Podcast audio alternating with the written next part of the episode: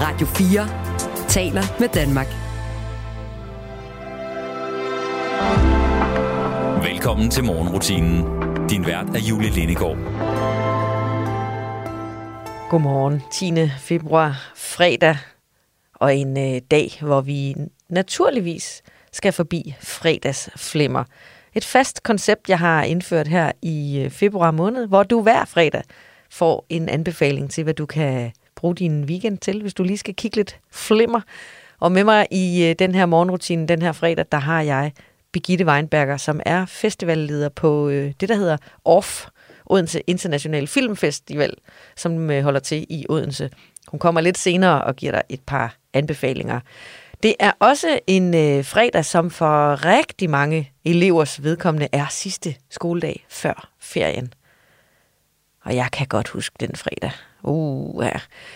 Den bedste var fredagen før sommerferien, men øh, fredagen før vinterferien, den kunne virkelig også noget. Der har været øh, juleferie, og det har været mørkt, og der har været januar, og man trænger til ferie. Men for nogle elevers vedkommende, der er det først i uge 8. Og hvorfor er det nu, at vi ikke er blevet enige om i det her lille bitte land, hvornår børn holder vinterferie fra skolerne? Altså, øhm, juleferien har vi jo øh, ret enige om, ikke? Sådan plus minus en dag i hver ende nogle gange. Vi er også ret enige om påskeferien, og sommerferien, den ligger også sådan nogenlunde fast. Men hvorfor er det, vi ikke kan blive enige om vinterferien? Jeg har kigget lidt på historikken omkring det her, og det er jo faktisk sådan, at med vinterferie, så blev det indført helt tilbage i øh, 1970'erne, hvor man synes, at børnene skulle have en pause mellem juleferien og påskeferien. Og så var det op til den enkelte kommune, og i 70'erne, der var der jo nogle flere kommuner end i dag med de 98, og den enkelte kommune kunne simpelthen beslutte, hvad deres skoler skulle øh, gøre, og hvornår de skulle holde vinterferie. Så dengang, der var det meget, meget forskelligt, hvad den enkelte kommune besluttede.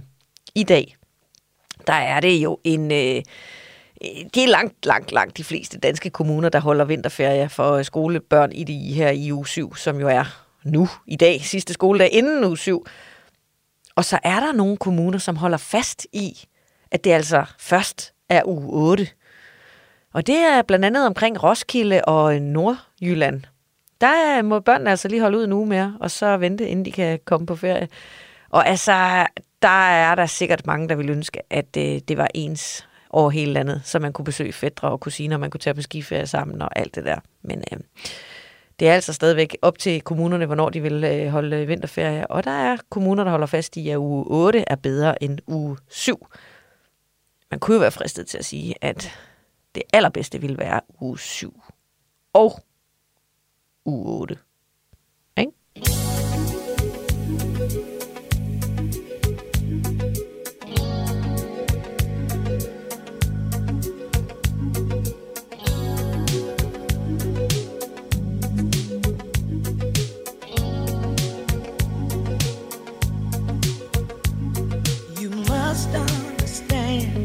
Touch of your hand makes my pulse react. That it's only the thrill of boy meeting girl opposites attract. It's physical, only logical. You must try to ignore that it means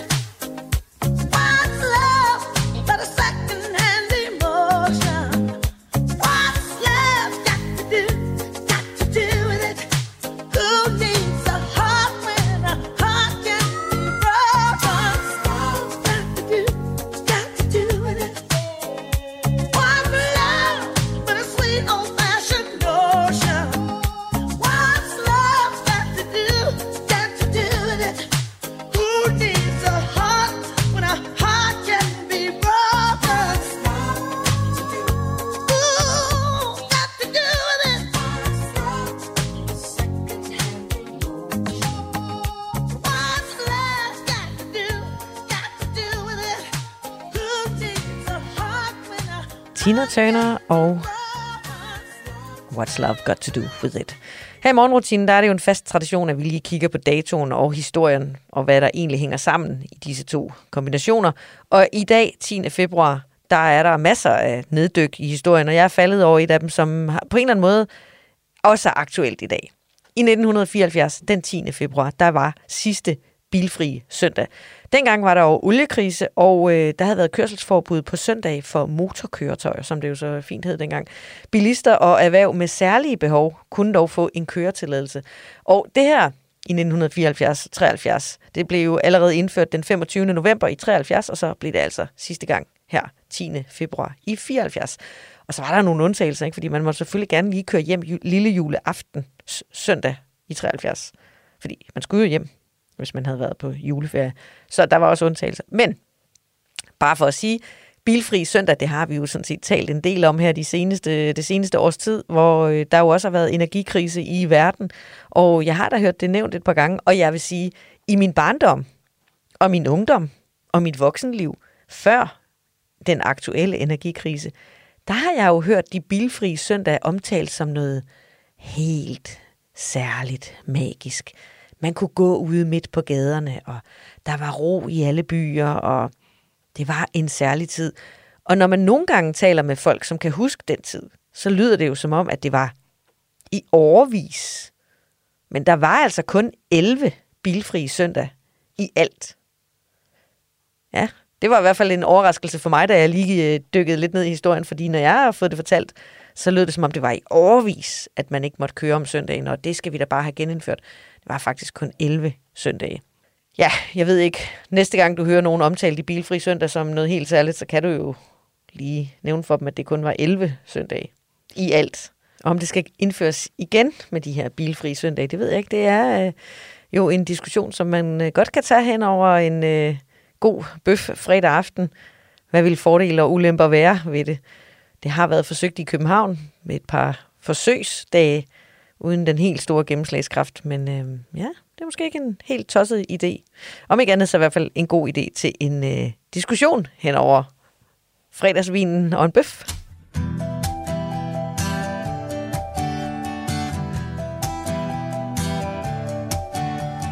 Feder og venter på dig Du kommer du sætter dig lige ved siden af mig. Alting smelter indeni. Tiden flyver forbi. Det er ligesom om der ikke er nogen, der betyder noget. Det er ligesom om, at dem, der er alle sammen er gået.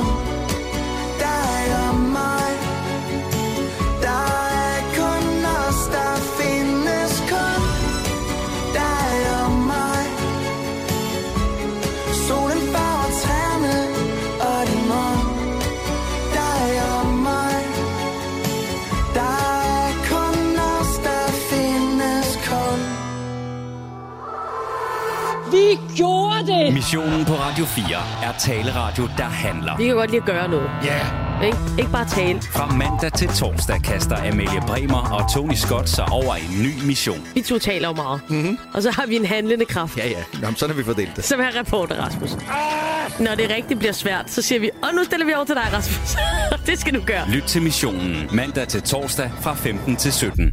Radio 4 taler med Danmark.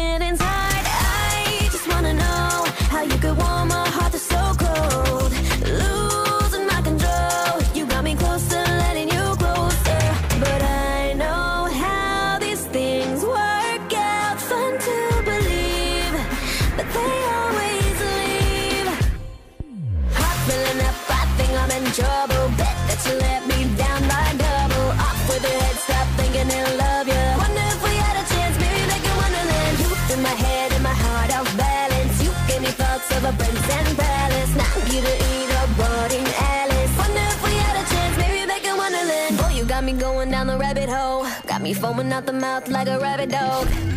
I'ma have to put myself on a leash, though. Living rent free in my head, here's your lease. Again and again, you keep my thoughts coming back. And you ain't even a dealer, but I still be in your trap. I need a doctor, a doctor, my heart is under attack. When it's too good to be true, but then it's usually that. But I know how these things work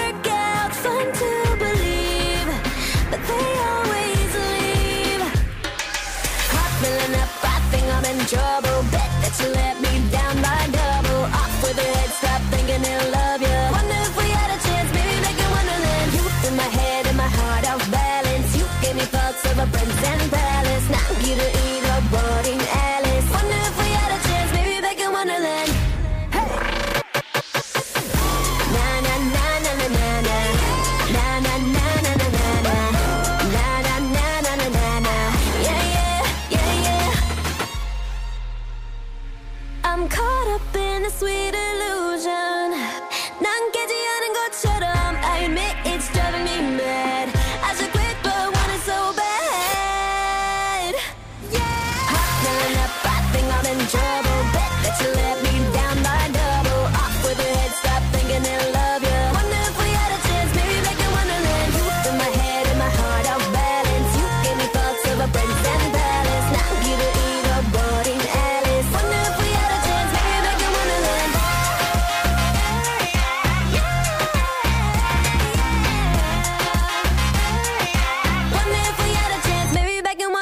Her på morgenrutinen, der har vi hver fredag det, jeg kalder fredagsflimmer i februar.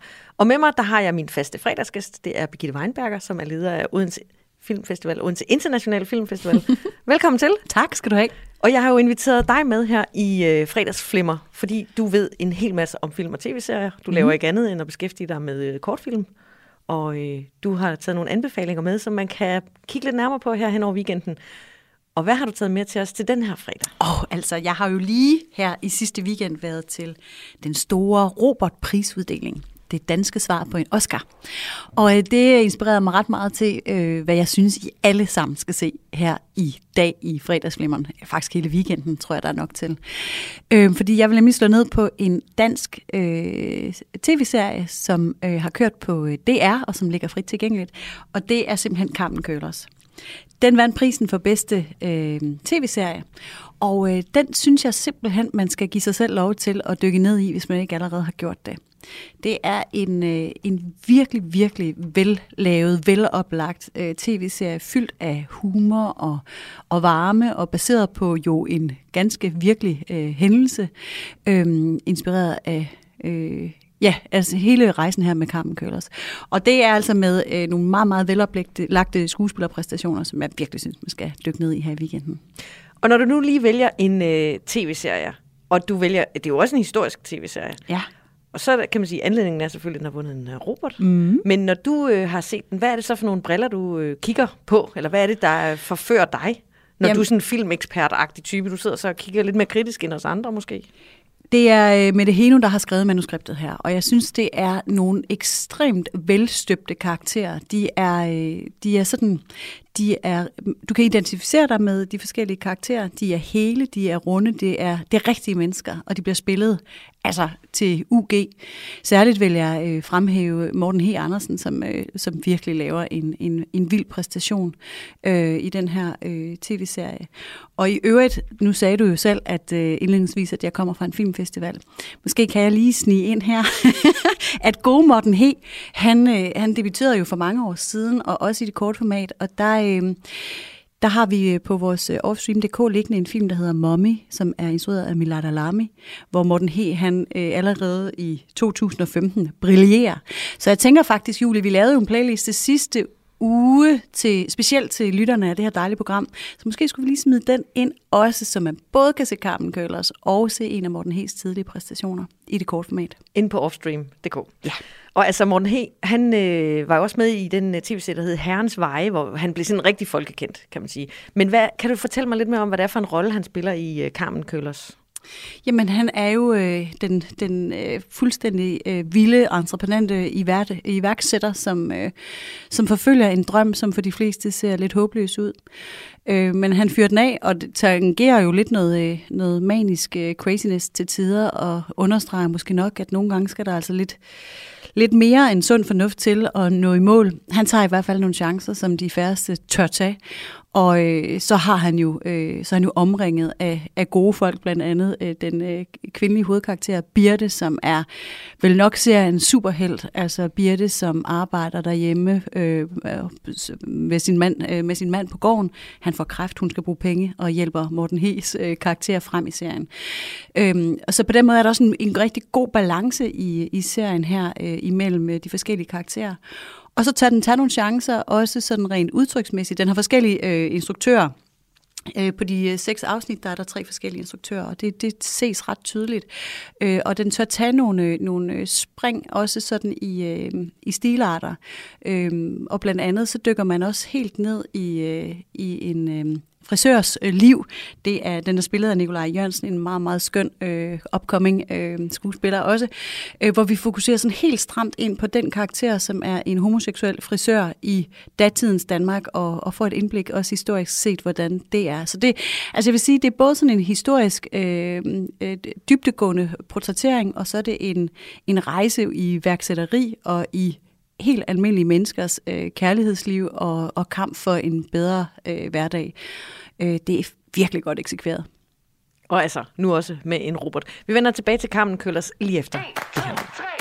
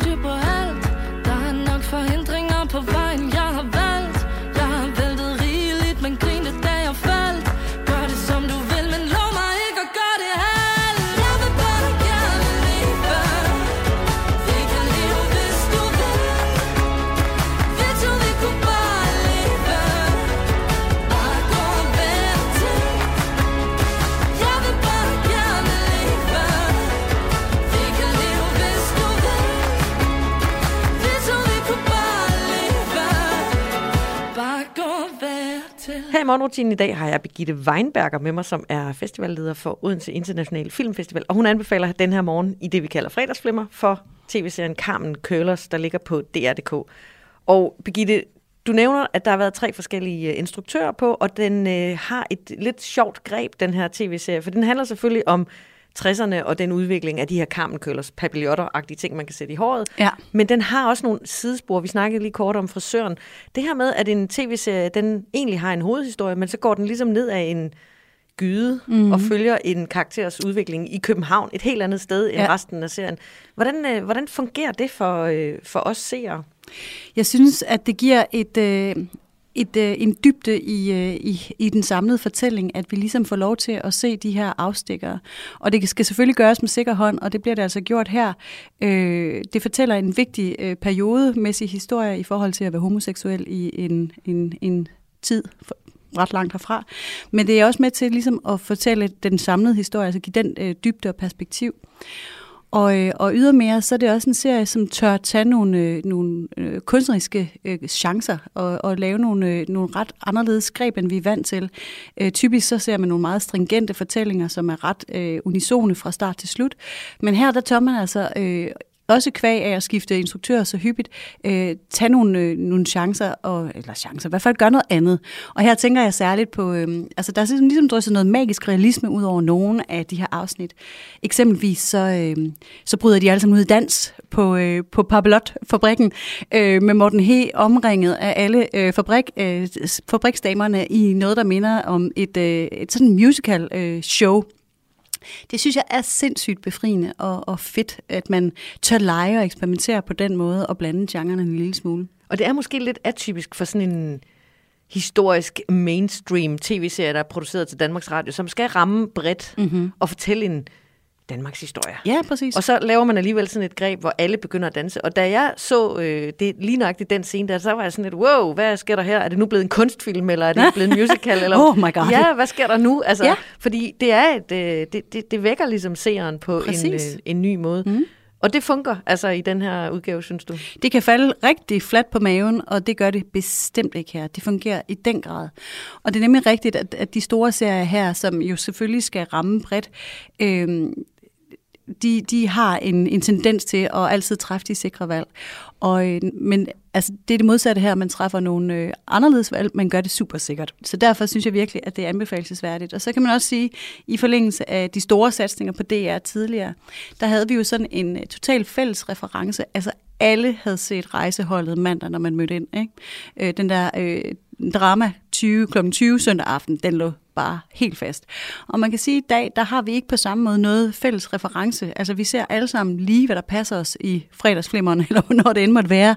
Øhm, og, og den kan jeg godt personligt savne en lille smule. Og det er også derfor, jeg virkelig, virkelig vil anbefale den her serie, fordi det ikke bare er en god serie, men det er også et, øh, en sten i, øh, øh, hvad skal man sige, hele fundamentet af, af det samfund, vi står på i dag. Så øh, lad os få en fælles øh, oplevelse at se Carmen Køllers, det vil jeg virkelig anbefale. Tusind tak for den anbefaling. All veils and misty, streets are blue. Almond looks, that chill divine. Some silken moment goes on forever, and we're leaving broken hearts behind. You mystify, mystify me. Mystify, mystify me.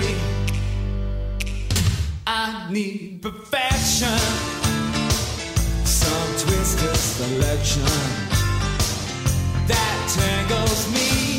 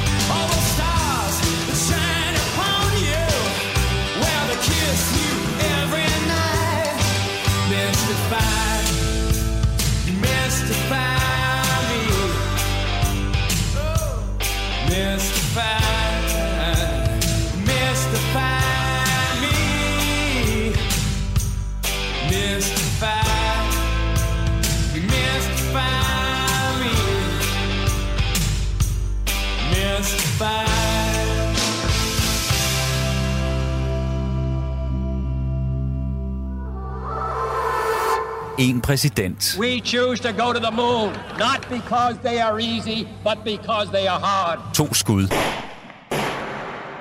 og 60 års konspirationsteorier. CIA har jo en mormanual, og den måde, det foregik på, det er lige efter manualen. Krimiland vender hver en sten i Kennedy-mordet. Hvis jeg havde været CIA-mand dengang, så havde jeg sgu skudt Kennedy selv. Du finder podcasten i Radio 4's app. Radio 4 taler med Danmark.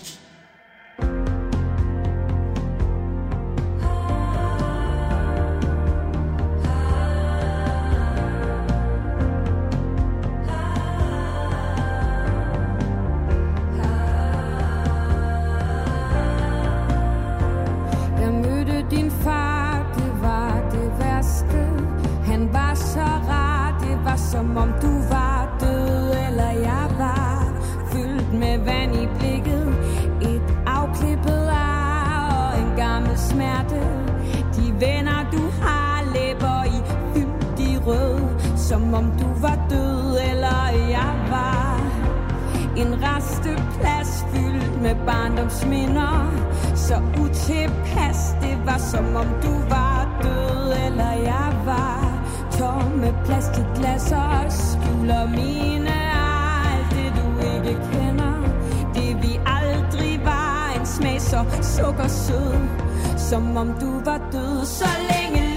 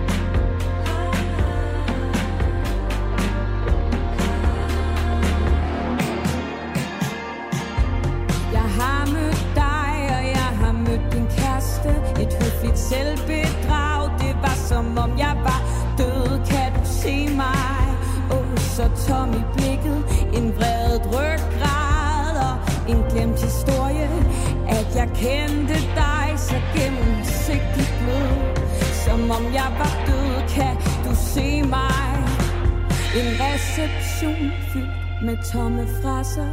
Alt i slow motion Det var som om du var død Eller jeg var. Tør mine øjne Alle dine ar Jeg vil begrave Med den vrede jeg har. En smag så kunstig sød Som om du var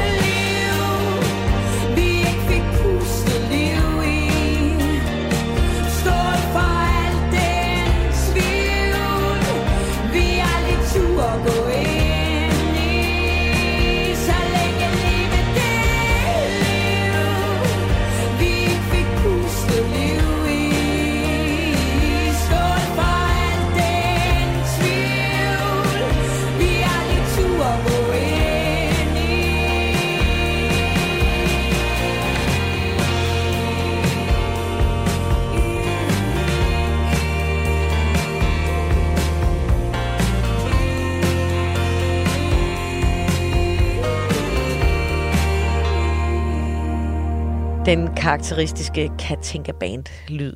Her var hun med sit band og nummeret Resteplads i morgenrutinen her den 10. februar. Jeg øh, faldt over en historie forleden, som jeg ikke helt har kunne slippe. Og øh, det har fået mig til at kigge lidt nærmere på det. Det handlede om øh, forleden, der offentliggjorde Royal Mail, det britiske postvæsen, nemlig et billede af, hvordan de nye frimærker i England kommer til at se ud. Som du jo ved, er dronningen jo øh, død, og derfor har Charles overtaget tronen, kong Charles, og derfor skal han selvfølgelig også være på frimærkerne, fordi det er jo altid den siddende monark. Sådan har det været i England siden 1840. Det der selvfølgelig er, det der lige slog mig først på billedet, det var, at han ikke har nogen krone på. Og øh, det havde dronningen jo. Men det, øh, det var faktisk, det var lige det første, jeg tænkte, da jeg så det. Og så det næste, jeg tænkte, det var, hvornår kan man så købe dem? Og hvad gør man med de frimærker med dronningen på, som måske ikke er blevet solgt? Og øh, Royal Mail, de skriver, at øh, man altså ikke kan købe de her frimærker endnu, før alle de andre gamle frimærker er blevet solgt. Så øh, der skal altså sælges ud af dronningen først, før man kan købe de nye med kong Charles. De forventer, at man kan købe øh, de nye frimærker fra den 4. april, men øh, først så skal de gamle frimærker være udsolgt. Og det fik mig til at tænke over, ja, du kan godt høre, at jeg var lidt nede i en overspringshandling. En af de dage, hvor jeg burde have lavet noget andet, men hvor jeg alligevel kom til at sidde og fundere over det her med frimærker. Fordi jeg kan ikke huske, hvornår jeg selv sidst har købt et frimærke. I dag, der køber jeg sådan en postkode øh, på nettet, og så sætter, skriver jeg det på brevet eller på pakken, og så putter jeg den i sådan en pose i et eller andet supermarked eller en lille postbutik. Men hvis man nu vil købe et post, øh, postfrimærke, altså et rigtig gammeldags, ægte frimærke og sætte på et brev, hvad gør man så egentlig, når man ikke kan gå ind på et posthus længere? Jeg har forsøgt at finde ud af det for dig og for mig selv. Og det er jo faktisk ikke så nemt, som man skulle tro, fordi når man begynder at søge på frimærker på internettet, så kommer alle samlerklubberne op, og så kommer alle dem op, som vil vurdere dine gamle frimærker, eller sælge dig nogle gamle frimærker. Så jeg var sådan øh, lidt rundt omkring, og, så, og det kan jo selvfølgelig også være meget øh, fascinerende at dykke ned i det. Men det var det jo altså nye frimærker, jeg var på jagt efter, for at ligesom få min nysgerrighed stillet på den konto. Og til sidst, så, ja, så gik jeg bare ind på PostNord for at se, hvordan er det der med frimærker i Danmark. Sådan nogle fysiske nogen. Og der er faktisk mulighed for at købe frimærker. Gammeldags frimærker. Godt nok ikke til en gammeldags pris. Det koster 12 kroner stykket, de her frimærker, jeg faldt over. Men man kan købe sådan en hel stribe, som, som for, viser forskellige ting. Der er forskellige øh, tegninger på. Der er en stribe med hverdagscykling, hvor øh, frimærkestriben her fortæller historien om at cykle gennem livet på fem forskellige motiver. Så kan du også få et håndarbejdsmotiv. Der er fem forskellige motiver, der viser noget om håndarbejde. Altså, øh, det er noget med at øh, strikke og... Ja, nu er jeg ikke lige så stærk i den genre. Men der er i hvert fald fem forskellige øh, motiver med håndarbejde. Så er der også nogle motiver med arkitektur. Der er nogle truede dyr. Der er noget astronomi, man kan få. Og så kan man øh, i anledning af Dansk Teaters 300 års jubilæum få et ark med fire frimærker med Dansk Teater. Så kan man finde nogle rigsvåben, altså en stribe med det lille rigsvåben, og altså i det hele taget, så er der mange forskellige. Det var sådan set bare det, jeg ville frem til. Men jeg kan ikke finde nogen med dronningen på. Jeg ved ikke, om hun er gået af frimærkerne. Men de skal i hvert fald bestilles og købes online, hvis du skal have frimærker. Så du skal betale dem og bestille dem på postnord.dk. Og det jeg så ikke ved, det er, om de kommer i en pakke med frimærker på. Du lytter til morgenrutinen på Radio 4. Fredag den 10. februar har jeg også kigget lidt ned i historien, og der er også en rigtig sjov lille historie fra 1900-tallet. Det var nemlig i dag, i 1900, den 10. februar, at Danmarks sidste duel finder sted. Ja, du ved, stille sig foran hinanden, skyde efter hinanden, håb på, at man rammer. Ja, det er jo ikke andet end øh, 123 år siden, der var en duel. Den foregik i Dyrehaven nord for København, og der er en meget sjov historie forbundet med det, fordi det var faktisk øh, skuespiller Robert Schyberg, der duellerede med Edvard Brandes. Ja, Edvard Brandes, den Edvard Brandes, teaterkritiker. Og øh, det var faktisk på baggrund af en dårlig teateranmeldelse, at Robert Schyberg han havde udfordret Edvard Brandes til en duel. Hver måtte fyre et skud af mod hinanden ude i dyrehaven nord for København.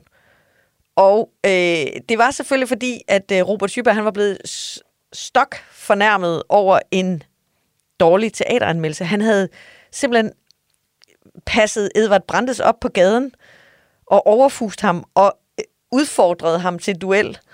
Og det var selvfølgelig noget, medierne fulgte meget med i, fordi det var også en lille mediebegivenhed, når, øh, når, når kulturparnasset på den måde udfordrer hinanden til et duel. Det havde været forbudt i øh, flere hundrede år i Danmark at duellere.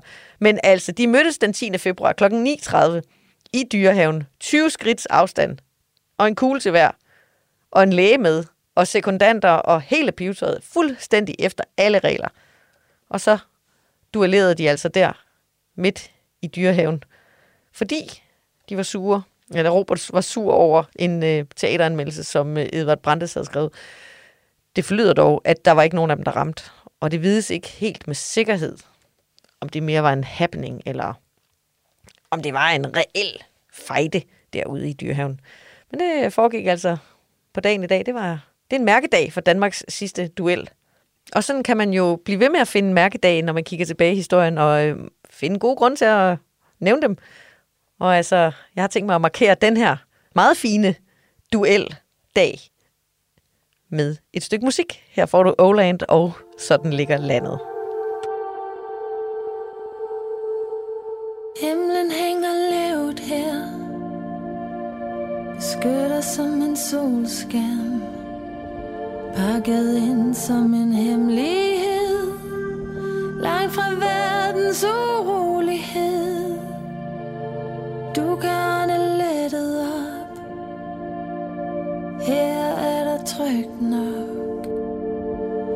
dramatisk og fredeligt. Lige så grønt, ligesom det er gråt. Sådan ligger landet. Fladt som vores sprog. Toner flyder sammen. Dem vil du forstå.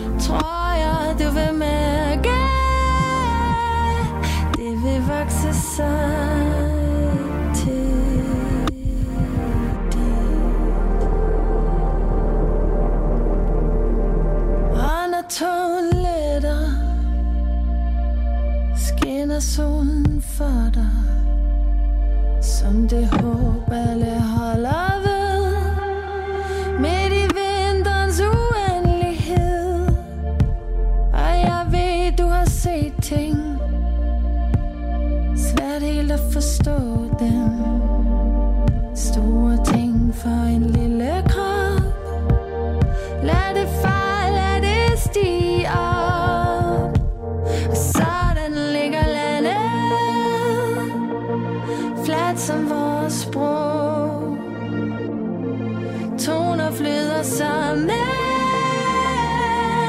Dem vil du forstå.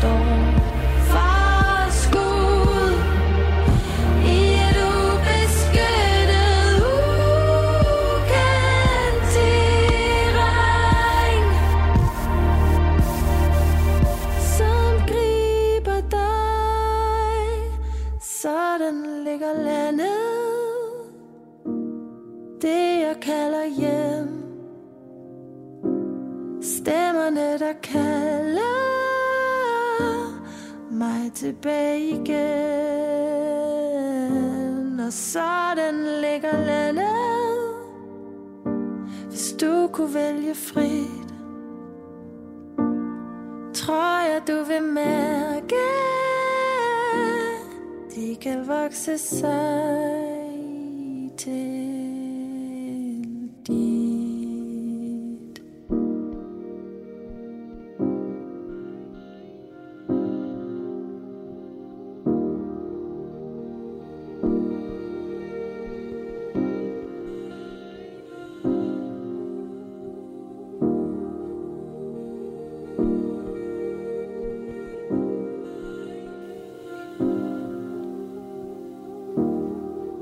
Oland her med Sådan ligger landet.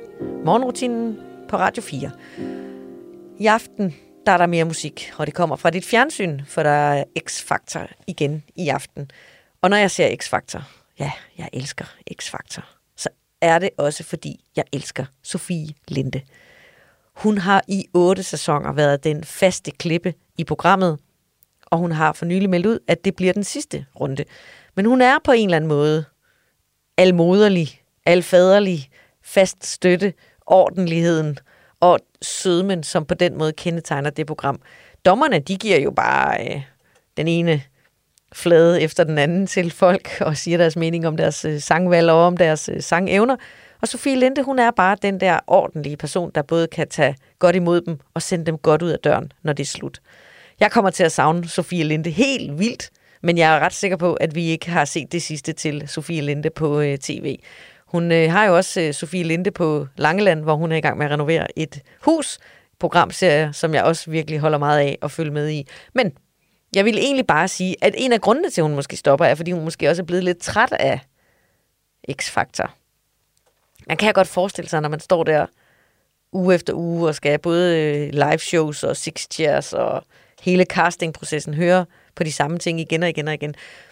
Og det fik mig til at tænke på, at øh, der jo er sange, der går igen og igen og igen i X-Factor.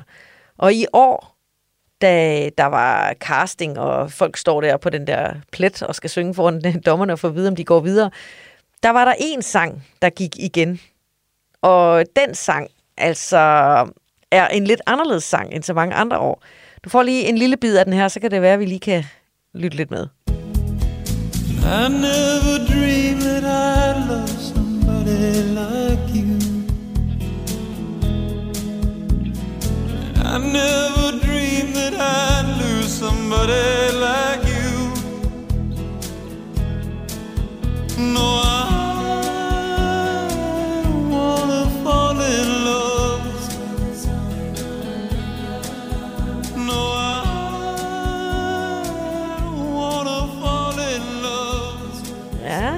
Chris Isaac her med Wicked Games.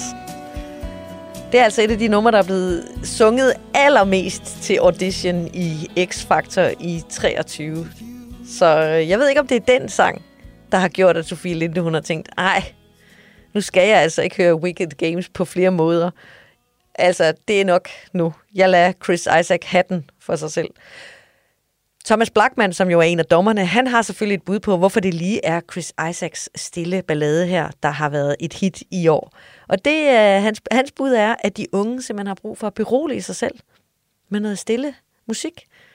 Og øh, det er jo noget af det, som dommerne taler meget om i øh, X-Factor, det er det musikvalg, som de unge tager, når de kommer ind for at performe i X-Factor. Og en af de andre dommere, Simon Kvam, han har også stærke meninger om, hvad for noget musik og hvad for nogle valg de unge skal træffe.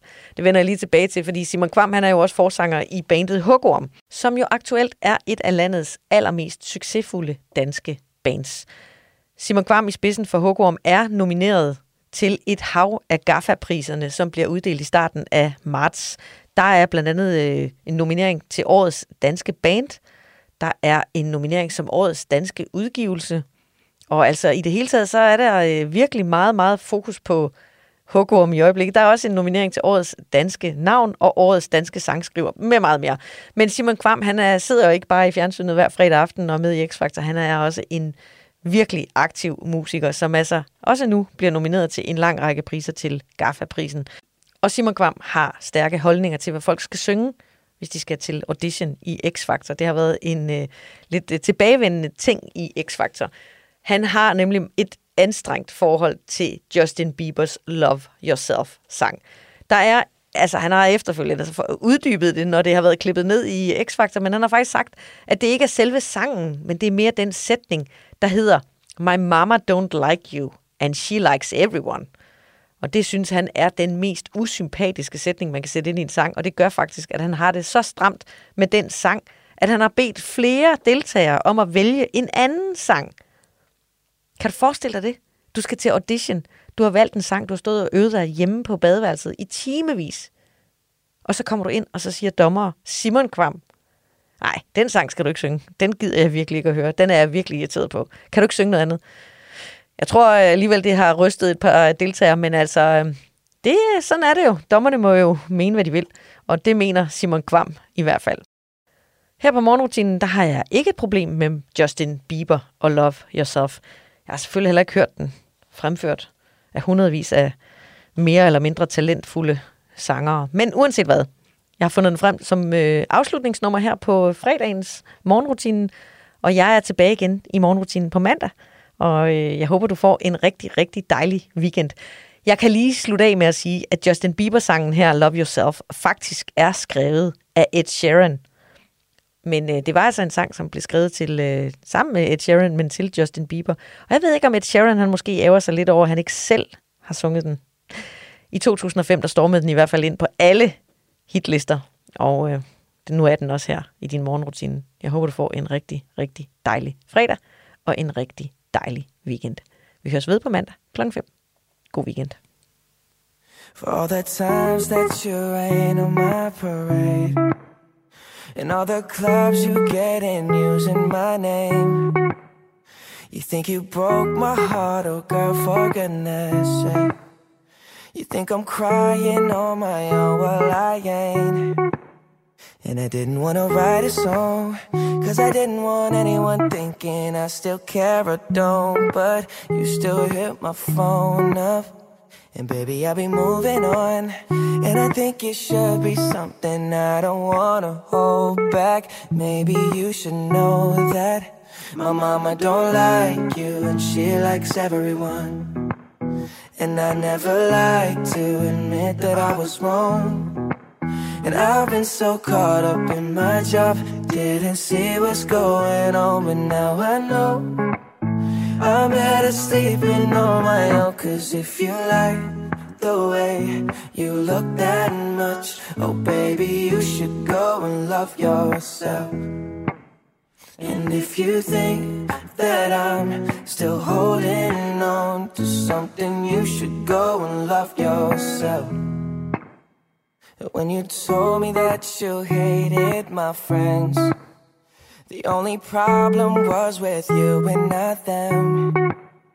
And every time you told me my opinion was wrong, and tried to make me forget where I came from.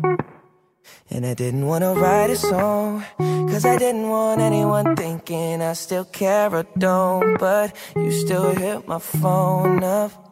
And baby, I'll be moving on. And I think it should be something I don't wanna hold back. Maybe you should know that my mama don't like you and she likes everyone. And I never like to admit that I was wrong. And I've been so caught up in my job, didn't see what's going on, but now I know. I'm better sleeping on my own, cause if you like the way you look that much, oh baby, you should go and love yourself. And if you think that I'm still holding on to something, you should go and love yourself.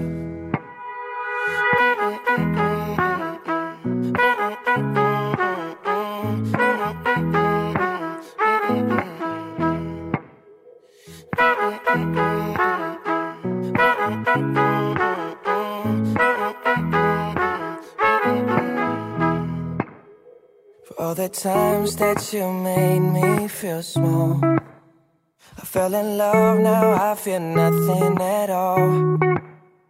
I never felt so low when I was vulnerable. Was I a fool to let you break down my walls? Cause if you like the way you look that much, oh baby, you should go and love yourself.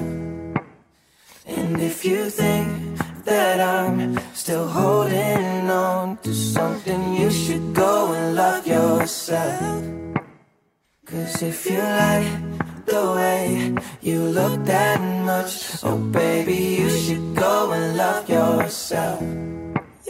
And if you think that I'm still holding on to something, you should go and love yourself.